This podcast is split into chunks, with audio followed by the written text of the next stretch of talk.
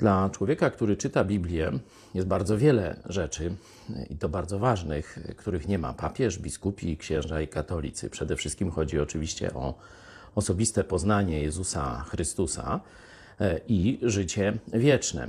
Ale nie każdy rozumie te sprawy duchowe, dlatego chciałem się skupić na takich bardziej przyziemnych czy łatwo rozpoznawalnych e, sprawach. Otóż ostatni incydent, kiedy e, papież uderzył kobietę, która go chciała dłużej przy, e, przytrzymać, i później wygłosił kazanie, że wszelka przemoc przeciwko kobiecie to jest bezczeszczenie Boga, i nic nie wspomniał o tym, że właśnie kilka godzin wcześniej przywalił tej Azjatce. No, kiedy w mediach społecznościowych sprawa się rozeszła szeroko, to, jak wiemy, publicznie przeprosił. Potem zrobiliśmy w Lublinie sondę, co ludzie myślą o e, zachowaniu papieża. Jeden głos mnie uderzył. Kiedy pytaliśmy, co myślą o tym, że uderzył kobietę, no to starsze małżeństwo powiedziało, dobrze zrobił, no bo go tam szarpnęła, sprowokowała, czy coś takiego.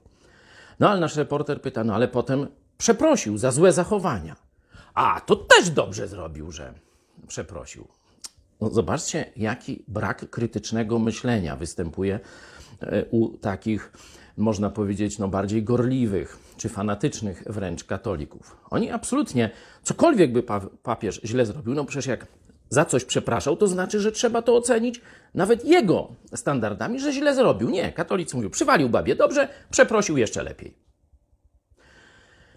Katolicy księża, biskupi i papieże na własne życzenie pozbawili się tego, co oznacza braterska troska i dyscyplina. Apostoł Paweł w liście do Tymoteusza mówi: Tych biskupów, którzy grzeszą, strofuj wobec wszystkich, aby też inni się bali. To są święte krowy. Nikt ich nie, nie strofuje. Dlatego pozbawieni są braterskiego napomnienia, a ono nam jest potrzebne, żebyśmy nie odlecieli w swojej pysze.